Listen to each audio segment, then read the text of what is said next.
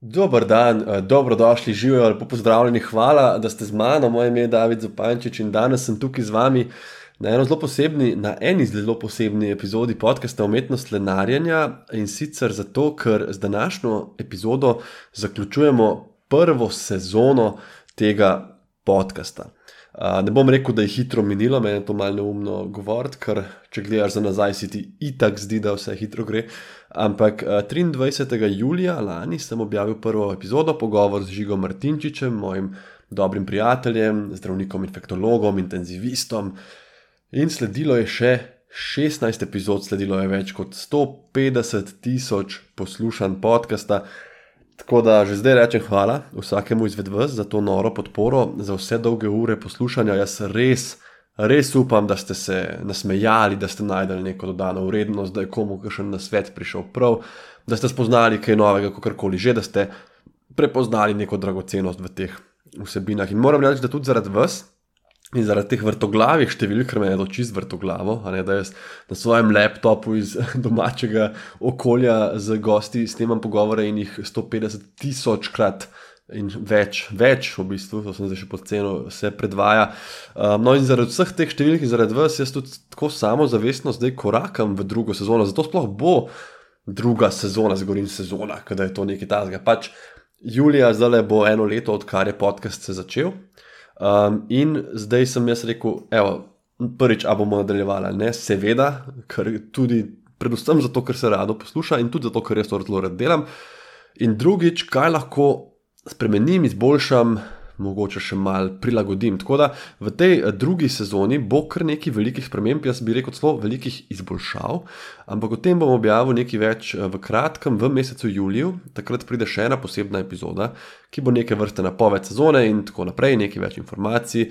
Um, v vsakem primeru tista in ta tudi imata to skupno lastnost, da sta redki epizodi, kjer sem sam, pravi, nimam sogovornika, mogli boste, mislim, mogli boste deliti, kar hočete, seveda, ampak kdo bo poslušal, bo moral se poslušati samo mene.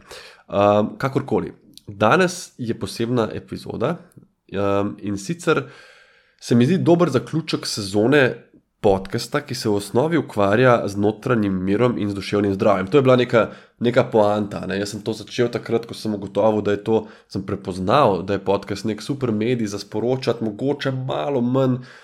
Hitre uh, prehodne informacije, kot je Instagram, ampak bolj nekaj, kar je na dolgi rok ostane in lahko le čez leto, dve, tri mesece reče, kaj pa ima ta epizoda o motnah spanja. Jaz bi se pa naučil meditirati, le tukaj je uh, o čuječnosti. Se pravi, neka zadeva, ki je uredna na dolgi rok. Um, in najbolj ta strok okvir je bil pač naslov umetnost lenarjenja, skrb zase, za počitek, kako se odklopiti v tem svetu. Je pa res, da sem eh, rad jadram na okolje, rad imam različne goste, kot ste v tej sezoni največ ugotovili. Um, in pač širim nekako to, to svoje vsebinski okvir, kakorkoli pa že. Uh, danos, danes bomo govorili o znanosti mirnega življenja. Uh, je pa ta epizoda posebna še zaradi enega drugega razloga. Ta uvod, zdaj mi boste mogli oprostiti pač par minut, preden gremo na tisto, kar vam želim povedati. Ampak se mi zdi pomemben v resnici, ker imam veliko povedati in v bistvu sem zelo navdušen in kratko pač mal vrej z mene in se moram zelo brzdati, da ne govorim hitro, čeprav najbrž govorim hitreje, kot, kot si predstavljam. Kakorkoli. Jaz vam z res, res velikim veseljem, res velikim veseljem sporočam, da bo že čez nekaj mesecev, če poslušate to epizodo v realnem času, se pravi uh, jeseni 2023, izšla moja druga knjiga.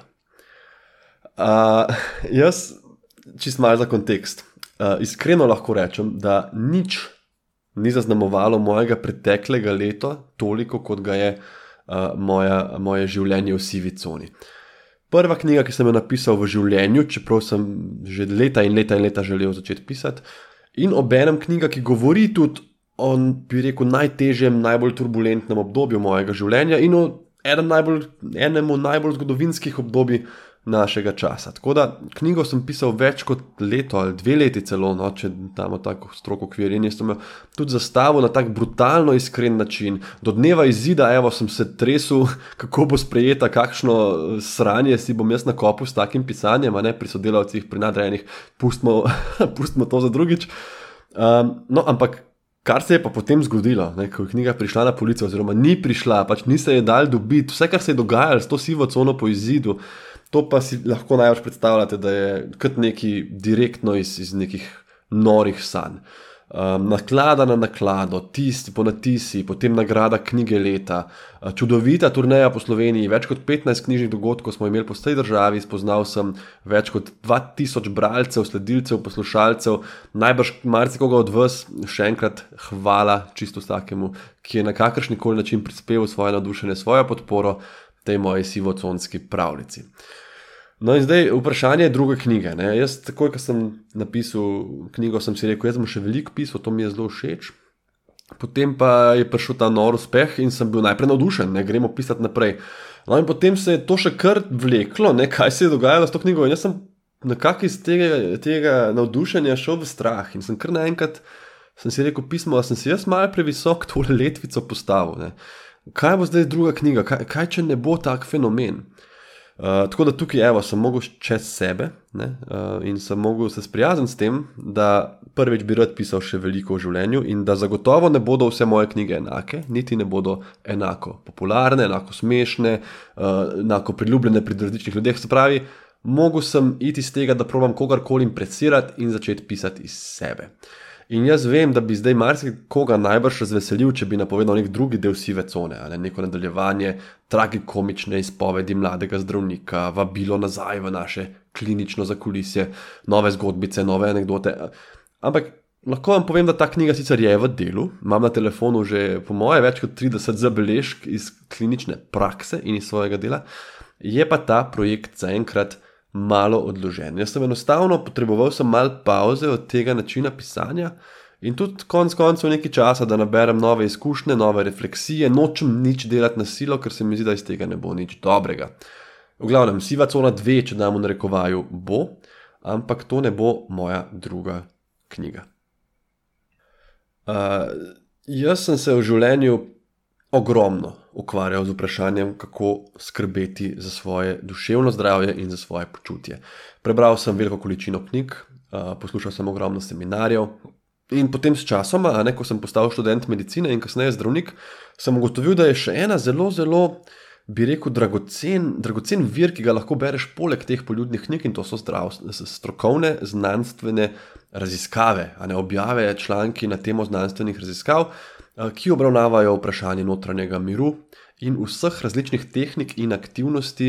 Eh, in tukaj je ta dodana vrednost teh raziskav, a ne to skušajo objektivizirati. Se pravi, tle se potem premakneš iz tega, te sfere, jaz mislim, da je to dobro, pa jaz ti to iz izkušenj svetujem, pa moj stric je rekel, da pomaga.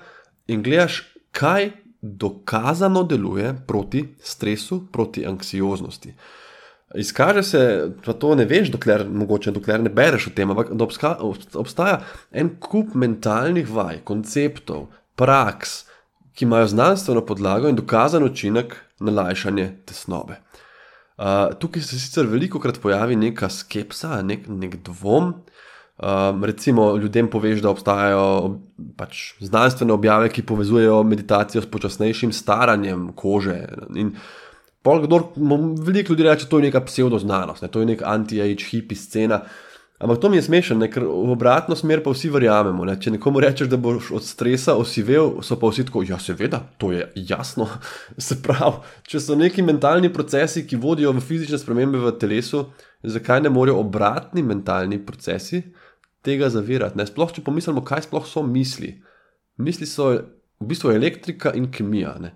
Eh, neurotransmiterji, akcijski potencijali. To se dogaja v naših telesih, v naši glavi. In zdaj, če pomisliš, kaj se zgodi, če se streseš štromom, daš prst v vtičnico, prosim, ne probat, ali pa če se poliješ kislino po koži, boš to začutil, ali in boš mogoče imel celo brzgotino. Tako da, zakaj je tako težko verjeti, da lahko tudi misli na nek način fizično spremenijo naše možgane in konec koncev naše življenje. Knjiga, ki sem jo napisal par dni nazaj, tudi oddal in bo izšla jeseni 2023, se imenuje Znanost mirnega življenja.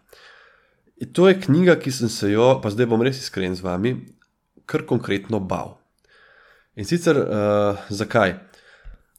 Knjiga, ta, ta knjiga sicer ni pripravljena ali napisana kot priročnik ali kot delovni zvezek, ampak konec koncev pa lahko pade v paket knjig za samo pomoč. Čeprav jaz sem se kar trudil, da bi bila literarna, se pravi, da bi neko leposlovje v zadju in da, da ni to knjiga, ki jo vzame samo tisti, ki ima morda neko težavo, pa bi se raznal pomiriti. Daleč od tega, jaz želim s to knjigo predvsem širiti obzorja. Ampak kakorkoli, um, to se sliši ful poetično, želim širiti obzorja če vas zanima. Uh, če, sorry.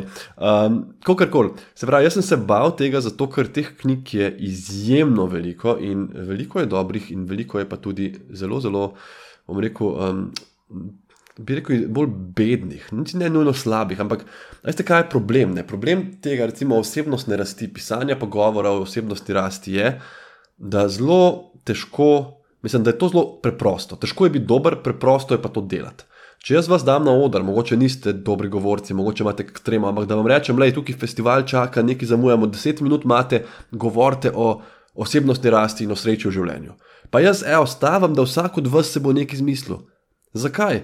Zato, ker to je pač, mislim, greš gor, obstaja en kup dramatično splošnih nasvetov. Pač priješ, ja, um, dajte uh, usmeriti svojo pozornost na lepe stvari. Ali pa to sem prebral pred kratkim iz svojega življenja, to sem prebral v eni reviji, nekdo je napisal kot nek uh, coach. Kaj, uh, iz svojega življenja odstranite vse toksične posameznike, ki vam pijejo energijo. V redu, a ne slišiš se logično, slišiš se kot nekaj, kar bi lahko naredili in bomo boljši. Ampak tukaj je ogromno enih nijans, tukaj ne moš kar sivo, črno-belo, mislim, kaj, kaj pa če ti pije energijo, tako rekoč, ne? nekdo, ki ti je prej 20 let stal ob strani, nek družinski član, ki te je spremljal med najhujšimi obdobji tvojega življenja. A zdaj pa, hej, sorry, le piješ mi energijo, stari, jaz moram na sebe paziti, čau. Mislim, tukaj dajati take uh, splošne nasvete, ki se bojo prebrali, da ful obvladaš, ne, um, je, je lahko nevarno. In pri teh vprašanjih odnosov in sreče in notranjega miru je ogromno nijans, sivih con, evo, če želite. In zato sem tudi jaz svojo knjigo želel bazirati na čim več objektivnih zadevah. Seveda, v osnovi izhajam iz sebe, iz svojih izkušenj, iz svojih doživetij in prebrali boste lahko veliko stvari v mojem življenju, v mojem delu v medicini. Ampak knjiga Znanost mirnega življenja vsebuje pod vsakim poglavjem seznam strokovnih referenc. Se pravi, citirane so objavljene znanstvene raziskave na temah psihologije, nevrologije, sociologije, psihiatrije.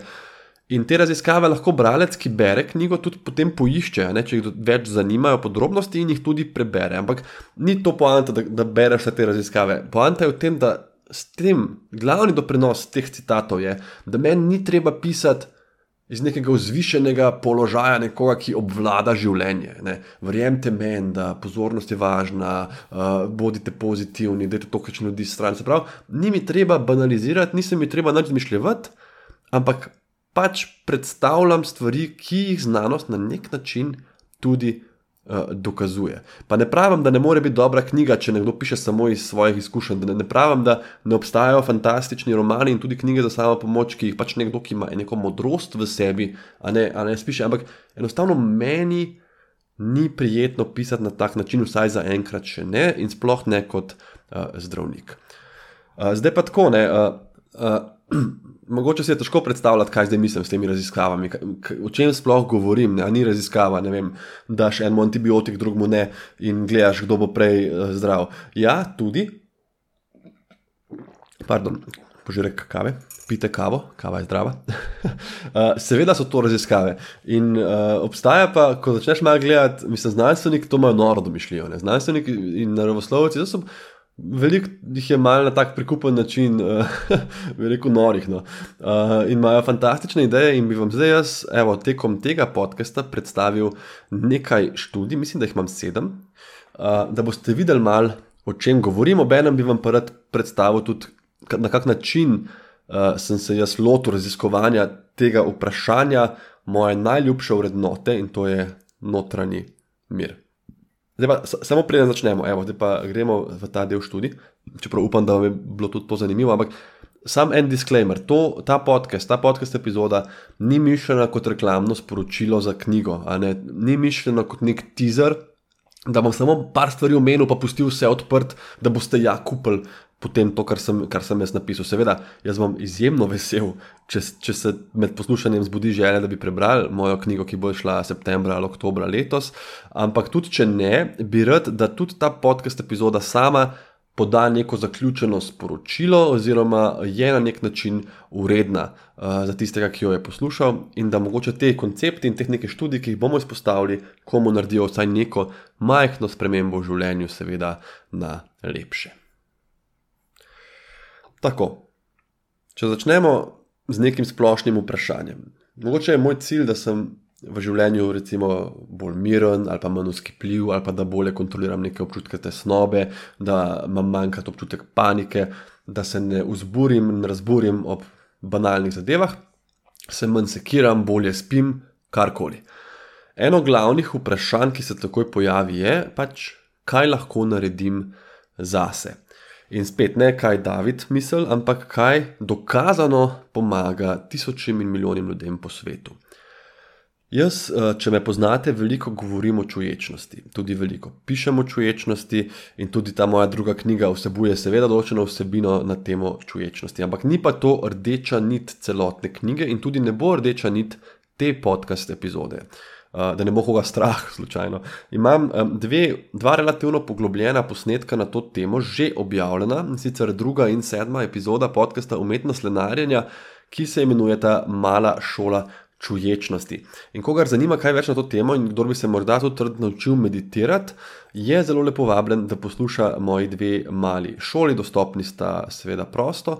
Um, danes bi vam pa samo predstavil eno zanimivo raziskavo na temo čuječnosti, ki bo mogoče še koga dodatno motivirala, celo uh, da se poglobi v redno prakso meditacije ali pa vsaj da razmisli, uh, recimo, pač, da bi prebral ali pa poslušal kaj na temo čuječnosti. Raziskava je bila objavljena 2014. Um, Singleton je glavni avtor te raziskave, ki, o kateri govorim, bojo tudi spodaj v opisu epizode, seveda navedene, da jih lahko pogledate, če vas zanima. In sicer je šlo tako, da obstaja en osemtedenski tečaj, ki se imenuje MBSR ali Mindfulness Based Stress Reduction, se pravi, neko znižanje stresa s pomočjo čuječnosti. In to je uvedel dr. John Kabat-Zinn, on je molekularni biolog, je doktor znanosti. Uh, kot profesor zaposlen na University of Massachusetts. On je bil velik na vzhodu, zen filozofijo je študiral in potem nekako pripeljal na zahod čuječnost v smislu nekega psihološkega koncepta, se pravi, on je ločil to religiozno od znanstvene plati. No, in ta osemtedenski tečaj je famozen in se po celem svetu zdaj izvaja po Johnovih nekakšnih priporočilih, vključuje pač meditacijo, vključuje določene predavanja, tudi jogo, v glavnem. Uh, Ti ljudje, ki so to upravljali, so zelo prepričljivo v vprašalnikih poročali o izboljšanem počutju. Boljše so spali, boljša regulacija eh, emocij, obnašanje, komunikacije. Se pravi, bilo je očitno, da je nek učinek te vaje, v sklopu tega tečaja, nekaj 20 minut dnevno, med drugim se ponavadi meditira. No, in zdaj pa, zdaj pa je zanimalo uh, znanstvenike, ali lahko mi najdemo fiziološke substrate, se pravi, Ali lahko pojasnimo, zakaj se oni bolj počutijo? Ne? Ker, seveda, super, da se bolj počutijo in, in že to je lahko nek dokaz, da stvar deluje, ampak tudi uh, imaš študije, kjer je placebo učinek bil primerljiv recimo z protibolečinsko tableto. Ne? In zdaj ne moreš reči, da tista tableta placebo, ki je v bistvu cukor, deluje protibolečinsko. Uh, vidite, kaj hočem povedati. Zanimalo nas je, ali lahko s slikanjem možganov dokažemo neke spremembe, ki bi pojasnile, zakaj se vsi ti ljudje tako dobro počutijo, ko naredijo ta 8-tedenski tečaj. Tako da so vzeli 16, eh, mislim, da je bilo teh preiskovancev in so jim naredili magnetno-resonančno slikanje pred in po tem tečaju. Eh, dodatno so pa povabili še nekaj ljudi kot kontrole, ne ljudi, ki nikoli niso meditirali in so tudi pri njih naredili sliko pred in po. Kontrola poanta je samo zato, da vidiš kot neka negativna kontrola, ne sprav pri njih. Pričakuješ, da ne bo nobene spremembe, in tudi tako je bilo.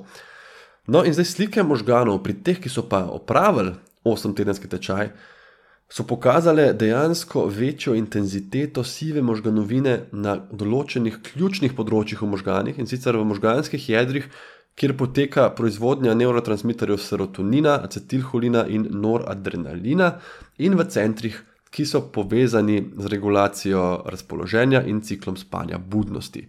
Serotonin, veste, mogoče je ta happy hormon, najbolj uh, lajično, nekako se mu reče hormon sreče in tudi najbolj pogosto predpisani antidepresivi na svetu delujejo na serotoninergični sistem.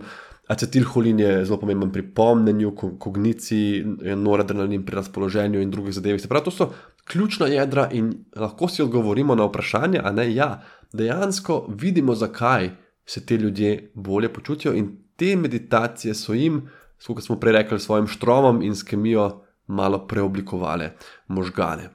In ta raziskava meni zelo veliko pomeni, da bom z vami kar iskren. Jaz sem skeptik po duši in jaz, ko sem hotel tam na faksu, ko sem imel svoj panični napad, umestiti meditacijo kot neko novo navado, prvi odziv, ki sem ga sam sebi sprožil, je bil: A se hecaš, kako, nimam časa. In zdaj, če, če mi bo en rekel, pet eh, dvig v tu teži en uro na dan, jaz vem, da bom imel večji biceps čez en let. To nihče me ni treba pripričati. Če mi pa samo nekdo reče, meditiri, meni je pomagal, e, premalo dokazov za me, ne, jaz hočem nekaj več. In take študije, kot je ta, so mene spodbudile, da sem to krasno pot človečnosti tudi pri sebi začel. Se pravi, ne gre le za občutek, da je bolje, ni le placebo, ampak na možganjih vidimo, kaj se dejansko dogaja. Tako da to je ta prva uh, raziskava, in zdaj bi mogoče samo za intermezzo. Eno stvar, um, ki jo hočem poudariti. Vsi te razmisleki, ljudje so kdaj malo uh, cinični. Kva bom zdaj to bral o počutju, o tem, pa kam bom meditiral brez veze. Jaz sem kot sem, tak sem se rodil. Lej, sam uh, ena, ena raziskava, ki dobro ta cinizem razsuje, je bila objavljena leta 2007 in se super imenuje Mindset Matters. Exercise and the Placebo Effect. Um, zdaj, tukaj je še, me, še vedno veliko stigme, to, to je meni, se mi zdi problem. Se pravi, če nekomu rečeš, da hodiš v fitness, bojo vsi tako dober, hodi v fitness, valjda, on skrbi zase. Pa pa rečeš, da meditiraš, pa da imaš psihoterapijo, je pa to, kva pa je s tabo, ne, a si, a si hipi, a si depresiven. Ne, in to, to je problem. No, in zdaj, kaj je ta raziskava leta 2007 naredila? Oni so vzeli 84 hotelskih snežilk iz sedmih različnih hotelov v USA in so jih vključili v raziskavo o fizični kondiciji.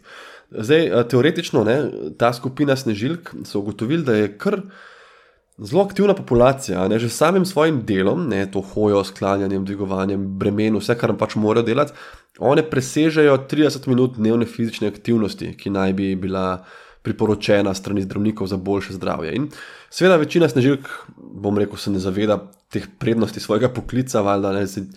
Pustimo, da so bistveno premalo plačane, ampak te fizične obremenitve lahko celo gledajo kot neko negativno, zahtevno plat svojega dela.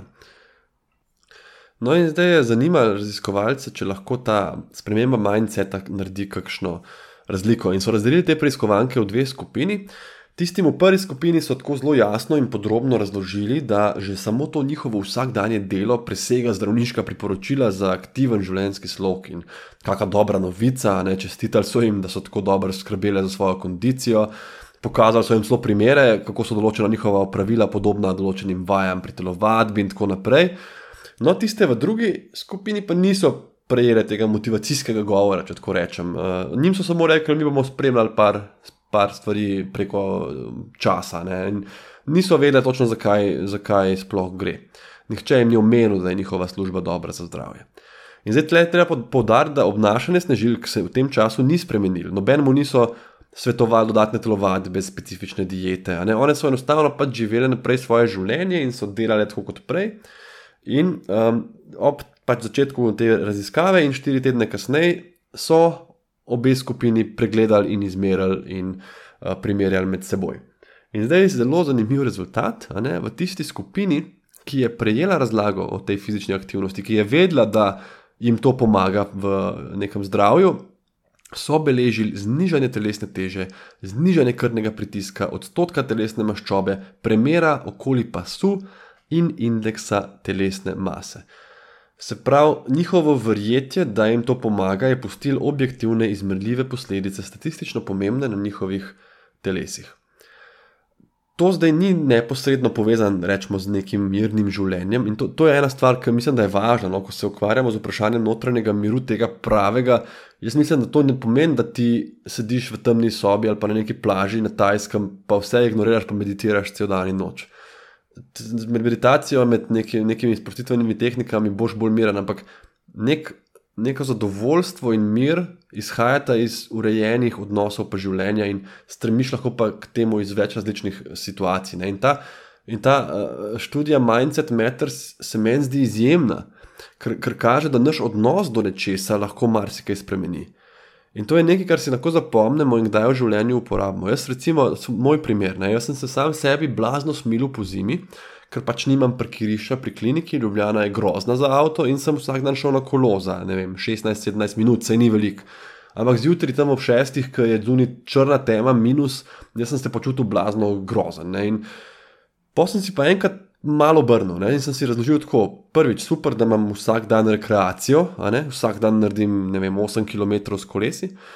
Obenem imam možnost, da živim tako blizu službe, da mi ni treba iti v konico, in tretjič, delam nekaj lepega, ekološko prijaznega za ta svet. In vam povem sicer, da nisem imel, um, nimam nič ožjega pasu, no, zaradi tega, kar sem, si, kar sem si zamislil o moji poti v službo, ampak imam pa en lepši občutek in se počutim v bistvu boljš, pa bolj mirno, ko zjutraj tam ob minus pet vlečem kolo iz kolesarnice. To je ena taka raziskava, ki mi je veliko dala. No, in zdaj, če gremo naprej. Ena od stvari, ki je zelo ključna pri vprašanju vsakodnevnega počutja in našega miru, je tudi, kaj počnemo s svojo pozornostjo. Kam bomo usmerili svoj fokus in komu pustimo, da nam ta fokus ukrade. To je pa važno zato, ker ljudje smo psihološko naravnani na to, da opažamo bolj negativne kot pozitivne izkušnje. Čisto evolucijsko. Če smo šli, če je prav človek šel mimo enega grma in je tam videl robide, je videl tako, oh, super robide in je hotel jesti robide, ampak če je za tem grmom nekdo renčal, če je bila tam neka zver, je to pač prišlo v spredje, ne? bolj kot te robide. Se pravi, to je bilo pomembno za, za preživetje, ampak zdaj se pa to izkorišča. Zelo se izkorišča, en primer je lahko uh, naslovnica na časopisu. Če greš mimo štanta, jaz ne vem, če kdo sicer še v fizični obliki kupuje časopise, ampak recimo greš mimo štanta in je tam en, en časopis in je naslovnica čaka nas prijeten vikend. Uh, vreme bo toplo, recimo, ne? in, in vi greš mimo, brigate, ne, ok, lepo.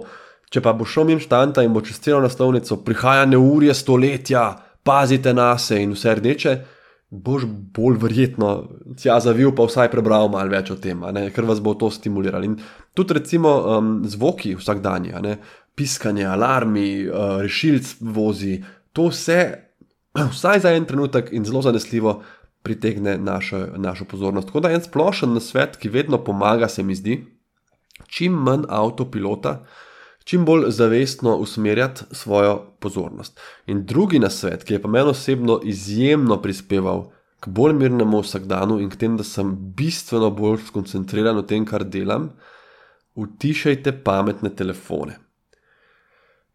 Zdaj pa ne mislim ugasniti, ne se kdaj te mora kdo poklicati, kdaj je to kakšno nujno. Samo utišaj to, da ti na vsake nekaj sekund zapiska, zavibrira, sporoči nek like, neko sporočilo, nek mail.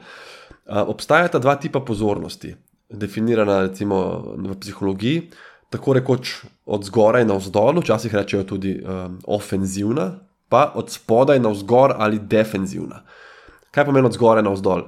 Mi se odločamo, kako bomo posegali v svet. Jaz dam recimo zdaj svojo pozornost temanju podcastov, ko bom želel, bom odprl mail in bom prebral mail, ko bom želel, bom pogledal sporočila na Instagramu in ta pozornost bo tam, kamor sem jo jaz delegiral, to je ofenzivno, ne? I'm, playing of, I'm playing offense. Recimo, Defenzivno je pa sedim tukaj, zdaj le snemam podcast. V trenutku, ko bo zavibriral telefon, ga vzamem in pogledam, kdo mi je poslal mail. V trenutku, ko zapiska, odprem Instagram in pogledam, kdo mi piše. Razumete? Ne? Se pravi, defenzivno se odzivam na okolico in kdo bo pač želel mojo pozornost, jo bo takoj dobil.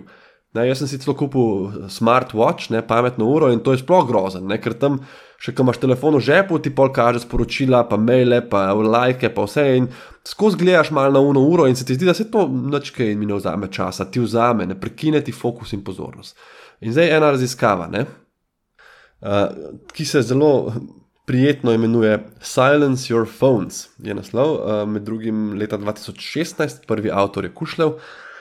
To je bila raziskava, ki je vključevala 221 ljudi in jim so tako rekli, en teden so mogli živeti v bistvu povsem potiho, se pravi, izklopili so si notifikacije, piske, obvestile, obvestila na telefonu in ga vzeli v roke takrat, ko so oni želeli.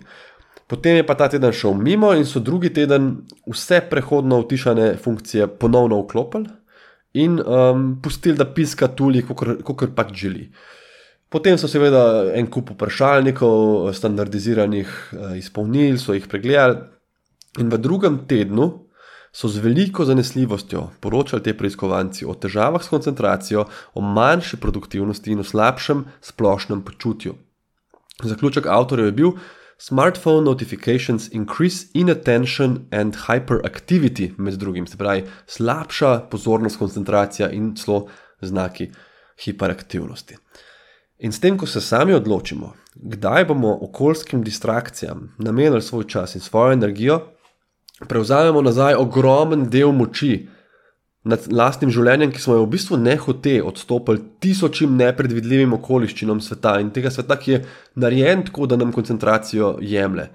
Vi mislite, da so, to sem nekje prebral zelo super, eh, da, da ljudje mislimo, da, da so družabna omrežja in aplikacije za ston, pa niso. Mi plačujemo s svojim časom. Se pravi, aplikacija gleda, koliko je eh, nekako, koliko časa človeka pritegne, da mu seveda lahko potem kaže reklame in podobno. In aplikacije so narejene tako, da, da ti bo čim bolj lepo zapiskal, tako je ti napisal, check this out, vse ne. In ti boš to skozi odpiral in ti bo stalno jemal nek fokus. Tako da, če imaš možnost. Dobro, a veš, si mogoče v službi, jaz recimo dežurnega telefona ne morem izklopiti, ker sem dežuren. Ampak če imaš možnost, si zapri notifikacije in ko boš ti hotel reči, ok, da vidim zdaj, če je kaj na Viberju. No, grem pogledat, če sem dobil kakšen mail. To naredi blazno, blazno razliko. Dobro, upam, da je za enkrat vse razumljivo, upam, da ste sploh še z mano, uh, živijo vsem, ki ste še z mano. In zdaj počasi širimo svojo pozornost naprej. Uh, jaz vedno rečem, tudi če si najboljši voznik na svetu, ne boš mogel kar zapeljati v krožišče, ne da pogledaš, kaj delajo drugi in kje vozijo. Ne? In tudi se mi zdi, da kdorkoli, ki želi raziskovati koncept notranjega miru v našem svetu, mora nameniti ogromen del svoje refleksije drugim ljudem in oblikovanju odnosov. En ogromen stres, ki ga veliko od nas čuti, mogoče se boste lahko poistovetili, če se prej niste, je ta goreča želja, da bi bili sprejeti in da bi bili ljudem všeč. Jaz sem celo nekaj prebral, da je razlog v eni raziskavi, ne, Uh, avtor sklepa, da je razlog, da je ta um, strah pred nastopanjem tako pogost, bolj pogost kot neke realne fobije, ne vem, da se bojiš višine kač in stvari, ki te dejansko ogrožajo. Da je strah pred nastopanjem tako pogost, zato ker enostavno, če so te v neki prazgodovini, v starih uh, evolucijskih časih izključili iz družbe, si v resnici lahko umrl. In to, da te nekdo posluša in da razmišlja, če te bo sprejel, če mu boš všeč, ni vseeno in nikoli ni bilo vseeno. No, zdaj je vse malo manj vseeno, ne? ker, ker, ker nekih takih eh, izolacij ni, da boš ti imel slab, slab nastop v službi, pa te bojo mm, ubili, upam, če ne pa zameni službo. Um, in, in ta želja goreča, da boš vsem všeč, ti v bistvu za brez veze stresira. Um, zato, ker morate vedeti, da je tudi najbolj uvidevan, empatičen, krasen, čudovit, uh, altruističen človek na tem širnem svetu ne bo všeč vsem ljudem na tem svetu. Zato, ker v bistvu ne gre samo za njega. Ne. In zato je pomembno spregovoriti o nečemu, čemu jaz pravim uvid namena in učinka.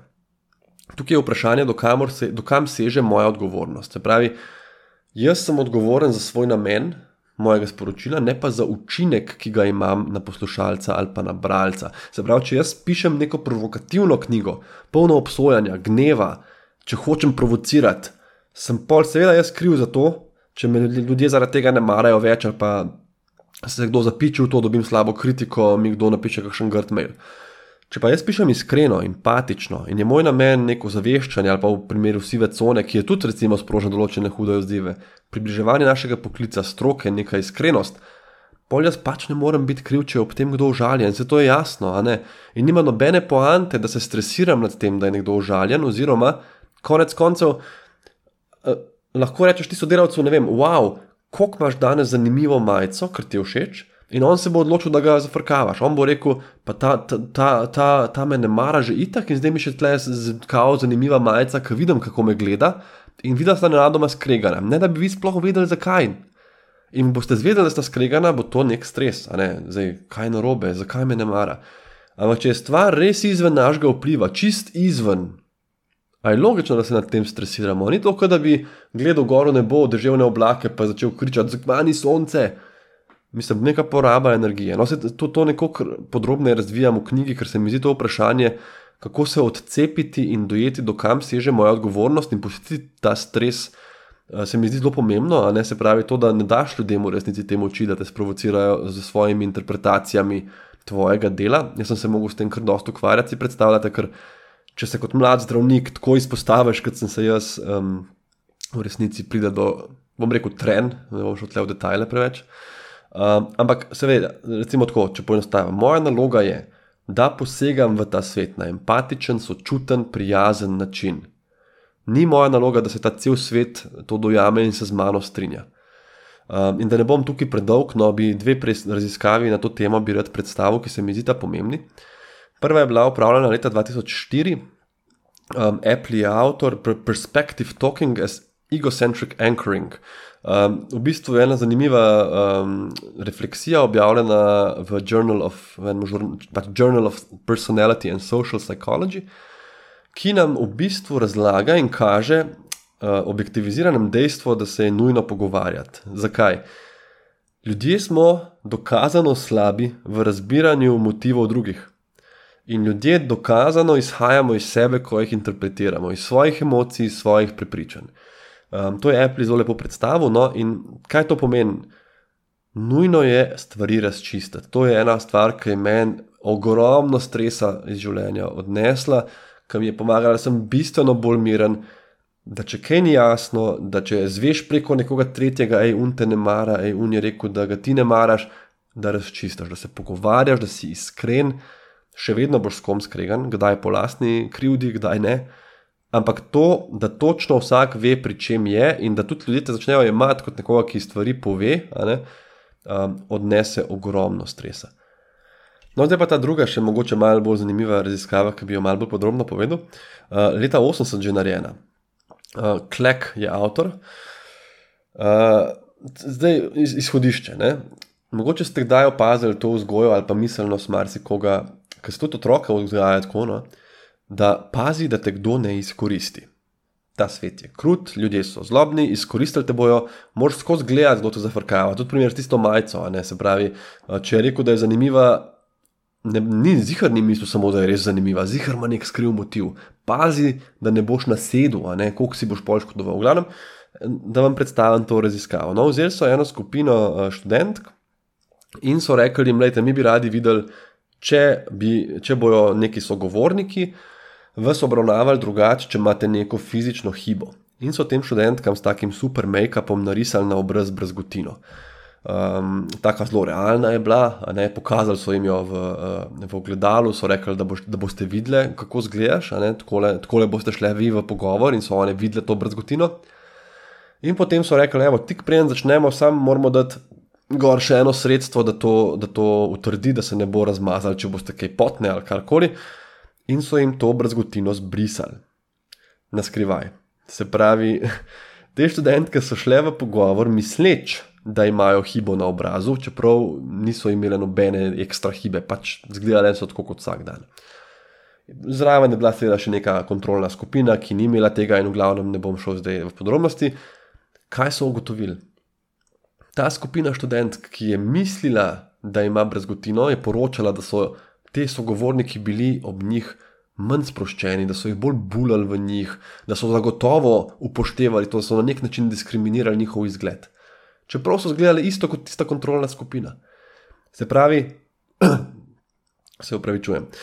Se pravi, samo to, da so one mislile, da imajo neko hibo, je bilo dovolj, da so prepoznali diskriminacije, ki je v resnici ni bilo. In to se mi zdi tako močno sporočilo, da spoh ne bom šel zdaj, zdaj v, v detajl. Moje sporočilo je ne gledati na svet kot na grožnjo, ker to, kar vadimo in to, kar držimo v glavi, postane naša resničnost. In se najbrž pozna kdo koga. Jaz imam enega človeka v glavi, ki se kar skozi neki skrega, ki si kje zunaj, pa, pa ti rečeš, o ta natakar je bil pa v redu, pontko, a se hecaš, a veš, kako te je gledal.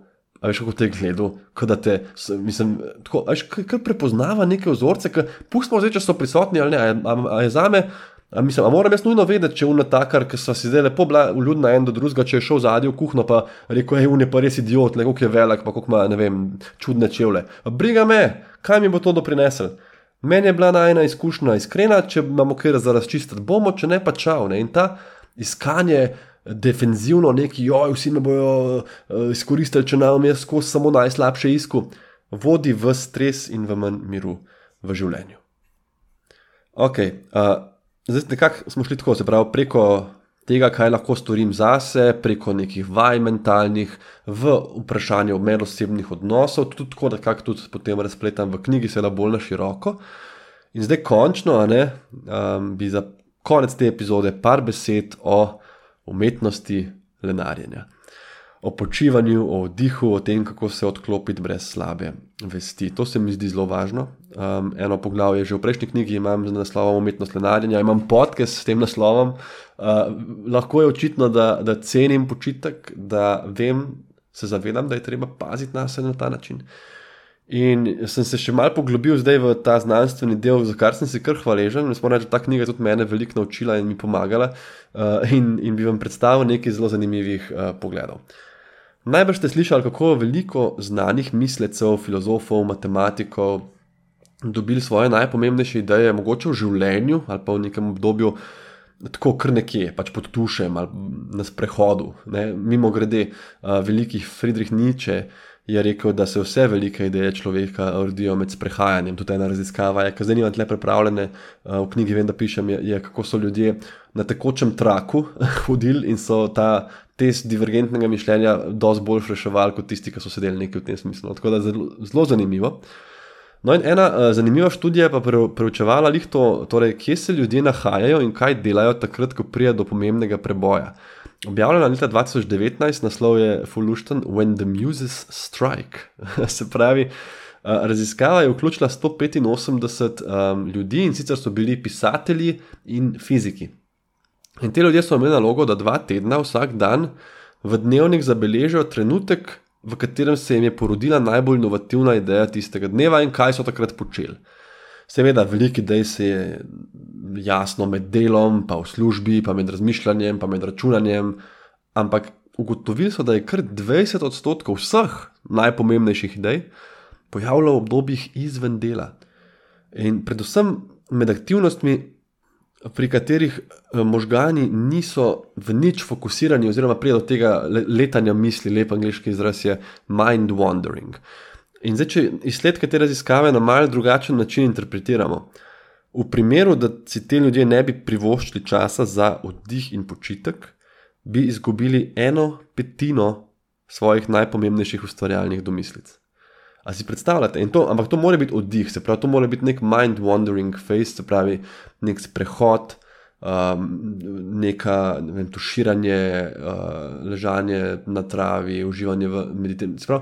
Ni to, da prežgeš televizijo, pa si stresiraš, ker v nekem resničnostnem šovu nekdo zgublja, kar se pravi, počivanje samo. In zakaj je ta mind wandering tako važen? Zato, ker obstaja nekaj, čemu nevrologi pravijo default mode network, po slovensko privzeta nevronska mreža. To so ena medsebojno povezana področja možganske skorje, ki so aktivna takrat, ko mi nismo, če je to logično. Zaprav, takrat, ko vi niste v nič specifično uh, fokusirani, recimo, če si predstavljate, da hodite po naravi ali pa da ste športno aktivni in, in vam misli bežijo in kar naenkrat prije nek preblisk. To je ta privzeta nevronska mreža. Kako vemo za njo in kako vemo vse to? S pomočjo uh, nečesa, čemu se reče funkcijska magnetna resonanca ali FMRI.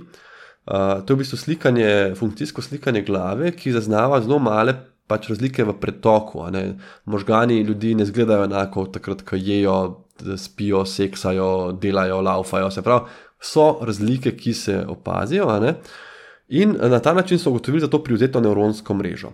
In ena raziskava zelo nedavna, leta 2022, uh, ki je naslov The Default Network is Causally Linked to Creative Thinking, uh, je to dokazala. In sicer so naredili raziskavo zelo zanimivo na bolnikih, ki so imeli možganski tumor.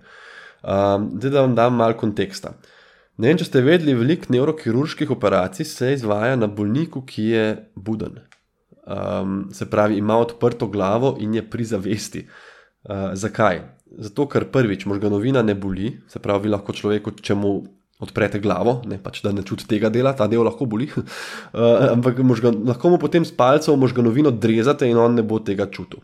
In stvar je v tem, da recimo imaš nek tumor, ne, ki se ga seveda na magnetni resonanci dobro vidi, in zdaj ga mora kirurg izrezati. In uh, ožje, ki bo rezal, kar si seveda želiš, kar noče zdravega izrezati, več šans je, da kakšen delček tumorja ostane in da te celice so grozne, ne, to se bo delilo naprej in bo pač se ponovil širše, ki gre okoli, več zdrave možganovine bo odrezal, predvsem pa je nevarno, da zareže v kakšno zelo pomembno uh, območje, mislim, območje, področje možganov. Uh, ker, ker možgani v resnici, tako če odprete komu glavo, um, izgledajo dosti dolgočasno, ne ni tako kot v, na slikah, ki je tako en del roza, pa en zelen, pa ena puščica, tja, pa nekaj kaže. To je pač en skupek, taka siva gmota je, ne, in, in neke strukture se pač dajo prepoznati, veliko pa tudi ne. In kaj se zgodi zdaj, da recimo primer, um, kirurg operira na enem tumorju, ki je blizu tega brokovega področja, to je glavno področje za tvorbo govora. In zdaj, če bo on preveč šel v to področje, lahko človek doživljenjsko izgubi sposobnost komunikacije. Mislim, grozen je, to, to pohabiš človeka. In kako bo zdaj on vedel, kje se to področje točno začne, ker tudi ni pri vseh enako. Vzamejo eno tako palčko električno, prislonijo na en del možganovine in rečejo temu bolniku, Eh, kako se ti pa zdi vreme zadnje dni? In on bo rekel, pa malo je bolj oblačno, ampak meni se zdi kar v redu, ker je bilo res vroče prej. In palčko spremenimo na 2 cm bolj desno in rečemo, ja, res je bilo vroče, a misliš, da bo še? In ta človek ne zna več govoriti. Dobesedno tako. Se pravi, s tem, ko, s tem impulzom inaktiviraš, ne, ti, ti daš pač streseš v bistvu ta del možganov in najdeš tisto področje, ki je relevantno, in ta človek, recimo v primeru brokovega področja, nenadoma izgubi sposobnost govora, dokler tega ne umakneš. To ne se bati, se pravi, ne boleče in začasno. No, in kaj so zdaj naredili v tej študiji, to je bila zdaj background. Ne? Oni so s funkcijsko magnetno resonanco poslikali, kje točno uh, je pri teh ljudeh lokacija te privzete nevronske mreže. In so med operacijo prislonili tole palčko gor na privzeto nevronsko mrežo in jo na nek način inaktivirali. In potem so ti bolniki um, pač dobili neko nalogo, uh, reče se metoda alternativne uporabe. Se pravi, pač, to, to je ena metoda, ki objektivno kaže, koliko imamo domišljije, koliko smo domiselni. Ne? Recimo, dobiš nek predmet in moš čim več alternativnih uporab za ta predmet spomniti. In s tem so ugotovili, da ob inaktivaciji te mreže so ljudje to nalogo izvajali slabše. Se pravi, dejansko ob inaktivaciji prizadete nevronske mreže je bila uh, domišljija oziroma um, domiselnost, inovativnost je trpela. To je tako zdaj uh, dobesedna razlaga tega, kar vam govorim, da je važno, da kdaj pustimo tej prizadeti nevronski mreži, da nas prevzame. In to naredimo tako, da nismo čist cel dan zadrto, fokusirani v to, kar delamo. Ker če, naš, če, mislim, če imamo v službi nalogo, da prepognemo list na pol, bomo najbrž v 12 urah jih več prepognili kot v 6. Če imamo pa neko kreativno službo, ne, recimo, kjer se pa treba tudi nekaj razmisliti, spomniti, povedati kakšne informacije na nov način, pa sploh ni nujno, da bomo v 12 urah bolj delali kot v 6. Tako da ne samo, da si lahko privoščimo počitek, mislim, da smo si ga dolžni delegirati in brez slabe vesti pustiti našim možganom, da kdaj doživijo pravi odklop, da se aktivira ta del možganov in se tudi spomnimo česa fantastičnega, obenem smo pa seveda tudi malo bolj mirni. Tako, jaz upam, da nisem bil predolg. Um, sem vam dolžen še kratek, sem dolžen. Naredil bom še kratek povzetek sporočila. Um, predstavil sem vam sedem raziskav, V moji knjigi, ki bo izšla zdaj jeseni, jih je predstavljenih 77. Tako da si lahko mislite, da je šlo ogromno časa in energije v pisanje, ker po drugi strani, kot sem rekel, želim pa pisati na poljuden način in ne samo nizati nekih številk. Um, želim, da je to neke vrste leposlovje vseeno. Poleg 77 uh, raziskav citiram pa še 13 različnih knjig. Tako da se mi zdi, da, da, da je veliko enih zanimivih stvari za sporočiti na tem področju. In če vam je ta tema zanimiva, ste absolutno lepo vabljeni, da jeseni prijete, primete v roko mojo knjigo Znanost mirnega življenja. Sicer v vsakem primeru, glede podcastov, sprejemam z veseljem vse povratne informacije in konstruktivne kritike in vse. Najlažje me najdete na Instagramu, David Zupančič ali pa Ministry for VTF. In tam bodo tudi objavljene vse novice glede prihajajoče knjige, kakšni odlomki in valjda točen datum izdaje. Seveda pričakujem, da se uh, z vsemi vami vidimo in spoznamo na otvoritvenem dogodku, uh, ki bo tudi enkrat jeseni. Če pa povzamem glavno sporočilo ali pa priporočila te podcast epizode, lahko spet rečem, ponavljam se, vem, meditacija se splača. Um, če vas to zanima, vabljeni na podcast epizodo Mala šola čuječnosti. Drugič, usmerjajte pozornost zavestno in med drugim tudi na lepše plati življenja, ne samo na težave. Um, izklopite si piskanje in notifikacije telefonov. Tretjič, seveda, negujte odnose in razčistite, namesto da sklepate o mislih in zaključkih drugih ljudi, ker v tem ste slabi. Se upravičujem, če sem prvi, ki vam je to povedal. Jaz sem tudi v tem slab in pač generalno ljudje preveč izhajamo iz sebe in premalo razumemo. Sprejmite odgovornost za svoje namene oziroma namene svojih sporočil, ne pa za vsako bolj ali manj, ponovadi manj logično reakcijo. Logič, pravi, ne za vsako reakcijo, ki jo te nameni povzročijo pri ljudeh, ker te reakcije niso vedno logične. To sem hotel sporočiti, upam, da je bilo razumljivo. In končno lenarite in počivajte brez slabe vesti. Tudi tisti, ki mogoče mislite, da morate izkoristiti vsako minuto v dnevu, evo sem vam dal pa par dokazov, da tudi s tem, ko počivate, spodbujate svojo lastno kreativnost. Kogar zanima kaj več, vse te raziskave so spodaj navedene in kot vedno se vam jaz iz srca zahvaljujem za pozornost. Se slišimo spet v kratkem, do takrat pa vas zelo lepo pozdravljam in vam želim absolutno čudovit preostanek dneva. Adijo.